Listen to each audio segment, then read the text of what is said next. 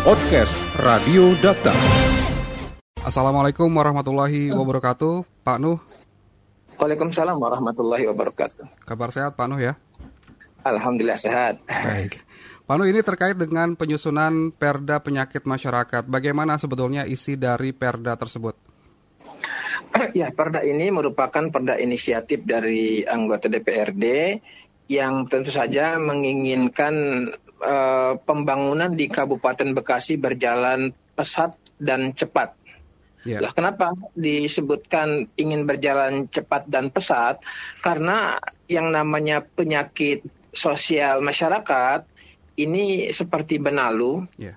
Ya, dia tumbuh, tumbuh di luar kelihatan, tapi sebenarnya secara real menggerogoti di dalam. Yeah. Dan ini akan menjadi beban buat pembangunan di mana pun, apalagi termasuk di Kabupaten Bekasi.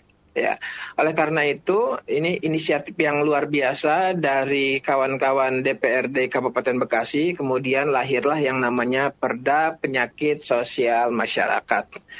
Nah, yang namanya uh, tadi saya bilang bahwa ini bisa menjadi benalu karena kalau penyakit sosial ini muncul karena mau tidak mau sebenarnya akhirnya dia akan membebani APBD. Yeah.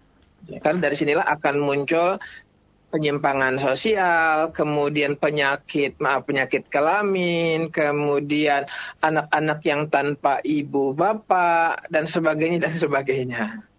Baik, artinya memang penyakit-penyakit masyarakat uh, berkaitan dengan uh, pelacuran, kemudian juga banyak hal yang memang uh, dinilai sebagai suatu hal yang berbau maksiat begitu Pak Nuh? Betul, ya maksiat, kemudian penyimpangan perilaku, lesbi, dan ya. gay dan sebagainya termasuk yang dibahas dalam perda tersebut. Baik. Uh, berkaitan dengan uh, Pak Nu bilang tadi kalau misalnya uh, penyakit masyarakat di wilayah Kabupaten Bekasi ini juga sudah sangat uh, mengganggu tatanan hidup masyarakat begitu. Memang sejauh ini untuk kondisinya seperti apa Pak Nu?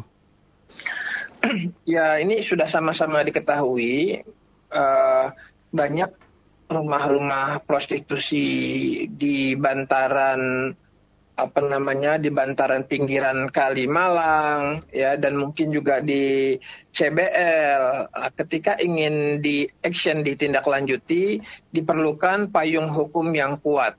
Yeah. Nah mudah-mudahan ini menjadi payung hukum yang menyebabkan Pol PP lebih berani lagi untuk melakukan tindakan penertiban di lapangan. Baik, artinya uh, Perda ini mengatur nantinya terkait dengan Eh, peran-peran dari Satpol PP maupun juga aparatur keamanan agar dapat menindak maupun juga menertibkan terkait dengan adanya penyakit masyarakat yang timbul di masyarakat. Iya, memang diarahkan beberapa kali dari ketika kemarin Pansus 6 ini menyampaikan laporan hasil pembahasannya beberapa kali ada poin-poin yang menyatakan kalimat bupati wajib. Ya. artinya wajib itu untuk mengeksekusi, menganggarkan, mem memfasilitasi termasuk rumah-rumah uh, yang bisa meminimalisir eh, penyakit-penyakit uh, sosial masyarakat, ya rumah singgah dan sebagainya seperti itulah kira-kira. Baik. Seefektif apa Pak Nuh terkait dengan uh, penerapan Perda yang uh, sudah disahkan? Karena kan memang uh, Bekasi juga memiliki banyak Perda tetapi juga ini kurang efektif terkait dengan pelaksanaannya di lapangan. Uh, ini tantangan memang untuk kita ke depan. Secara aturan main yang ditetapkan, dituliskan dalam perda ini sudah saya anggap sudah cukup detail. Yeah. Tinggal butuh keberanian dari pelaksana lapangan atau dari eksekutif. Baik. Pak Bupati itu saja. Baik. Tadi kan Panu juga menyatakan bahwa memang butuh dukungan uh, terkait dengan uh, penerapan ini dari Bupati Bekasi. Bagaimana DPRD sendiri terkait dengan uh, dukungan anggaran dan juga masukan-masukan kepada Bupati terkait dengan penerapan Perda ini, Pak? Eh, ketika sudah menjadi perda dan di dalamnya sudah ada klausul-klausul kalimat rekomendasi yang menetapkan bupati wajib ada yang namanya rumah untuk antisipasi penyakit sosial masyarakat yeah. di level kecamatan atau di level desa, maka ini berdampak pada anggaran. Artinya setiap pembahasan APBD maka dinas terkait akan mengajukan yeah. ya, uh, apa namanya hal-hal action-action lapangan yang bisa mendukung perda ini. Dengan payung perda ini mereka akan lebih berani lagi untuk meminta anggarannya. Dan tentu saja anggota DPRD secara keseluruhan tentu saja badan anggaran nanti akan menganggarkan dengan angka dengan besaran yang diajukan disesuaikan oleh keinginan dari dinas terkait. Baik. Pak ini kan banyak sekali ya warung remang-remang, kemudian juga tempat hiburan malam yang ada di wilayah Kabupaten Bekasi. Nah, Satpol PP merupakan uh, fungsi penegak perda. Apa yang menjadi kendala mereka tidak bisa uh, melaksanakan uh, perannya terkait dengan uh, penertiban yang dilakukan terhadap uh, aktivitas yang berbau maksiat ini, Pak? Uh, saya pikir di mana pun yang namanya sesuatu uh, tindakan yang bisa dikatakan ada backingnya, yeah. ini perlu yang namanya shock terapi. Ya, harus ada keberanian mana dulu yang menjadi percontohan, maka dari sekian titik yang menyebar itu akan akan hati-hati lagi untuk sebelum ditindak lebih lanjut. Tapi saya pikir ini harus ada pernyataan keberanian dari bupati untuk meng mengeksekusi atau memerintahkan kepada eh, Pol PP untuk lebih berani lagi. Kan bisa yang namanya apa namanya uh, inspeksi atau penertiban gabungan yeah. dengan dengan kepolisian, dengan dengan apa pun nanti yang bisa turun. Baik. Panu, uh, untuk Perda ini apakah memuat sanksi Pak uh, dalam proses penerapannya? Apakah nanti juga akan diatur mengenai proses uh, sanksi uh, denda ataupun juga penjara apabila uh, masih adanya warung remang-remang dan juga kegiatan aktivitas yang menimbulkan keresahan di masyarakat? Iya, ada saja karena ketika tidak ada sanksi maka tidak akan efektif berjalan di masyarakat. Ada klausul uh, apa namanya punishment yeah. yang ditetapkan oleh perda ini kepada yang melanggarnya. Baik. Panu sejauh ini Kabupaten Bekasi juga memiliki perda pariwisata yang mengatur juga terkait dengan tempat-tempat maksiat pelarangannya begitu. Uh, apakah ini juga tidak tumpang tindih? Ada perda penyakit masyarakat, kemudian juga ada perda terkait dengan uh, penyelenggaraan pariwisata yang yang melarang keberadaan tempat maksiat. Uh, yang jelas ini kan sudah dikaji oleh sudah ada naskah akademiknya. Uh, yang jelas uh, dua perda ini saling menguatkan dan tidak saling tumpang tindih, yeah. bahkan mudah-mudahan lebih mengefektifkan tindakan di lapangan nanti. Baik. Selain tempat-tempat uh, prostitusi juga ada sanksi untuk pelarangan miras Pak dalam perda ini Pak? Uh, saya detailnya belum baca tentang itu, tapi saya juga ada itu. Baik.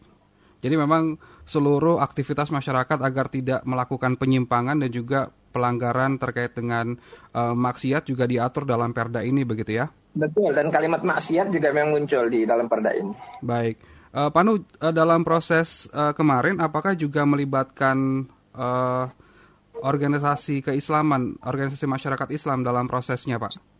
Ya, dan memang sudah merupakan uh, kewajiban dalam penyusunan perda, maka unsur-unsur tokoh-tokoh masyarakat, ormas-ormas yang terkait seperti MUI, kemudian FUKIS dan sebagainya, Muhammadiyah, NU dan sebagainya diundang itu untuk adanya uh, apa namanya uh, uji bukan uji publik ya, yeah. minta pendapat, ya minta pendapat.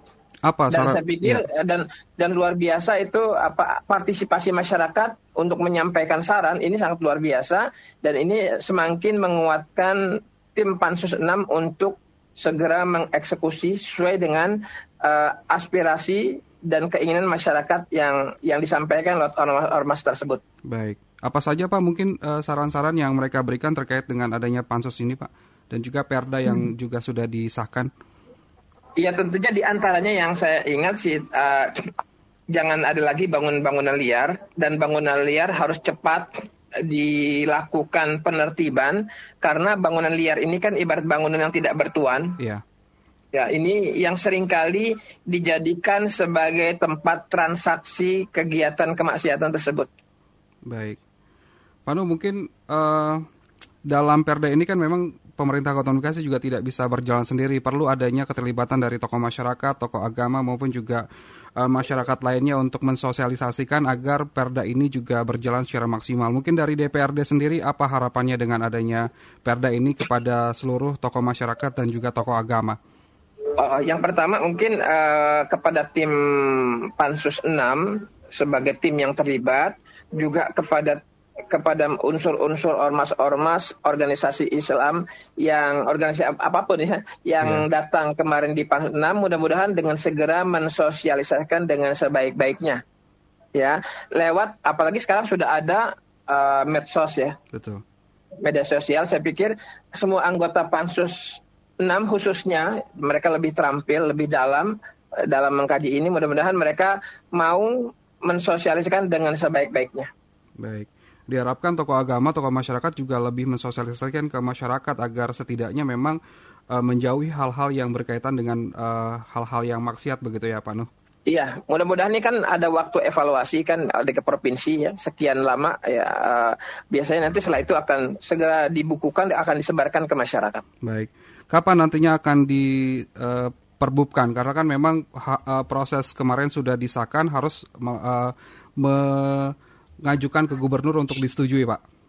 Iya, uh, biasanya kan di gubernur sekitar kalau tidak hilap sekitar 15 hari ya. Iya. Sekitar 15 hari kemudian dibalikan ya. Kemudian nanti uh, kita masuk sudah masuk dalam juga dalam rekomendasi hendaknya didukung oleh peraturan Bupati Kabupaten Bekasi. Panu, terima kasih sudah berbincang bersama Radio Dakta. Semoga uh, adanya perda penyakit masyarakat ini bisa menjauhkan Eh, kegiatan-kegiatan uh, maksiat di masyarakat yang memang saat ini sudah banyak dan juga uh, muncul dan meresahkan masyarakat. Selamat menjalankan aktivitas Panu. Terima kasih. Terima kasih Kang, Kang Ardi. Baik, wassalamualaikum warahmatullahi wabarakatuh. Assalamualaikum warahmatullahi wabarakatuh. Dakta Radio, bijak dan cerdas. Wakil Ketua DPRD Kabupaten Bekasi Muhammad Nuh. Podcast Radio Dakta anda cukup masuk ke mesin pencari Google atau lainnya dan tinggal mengetik podcast Radio Data.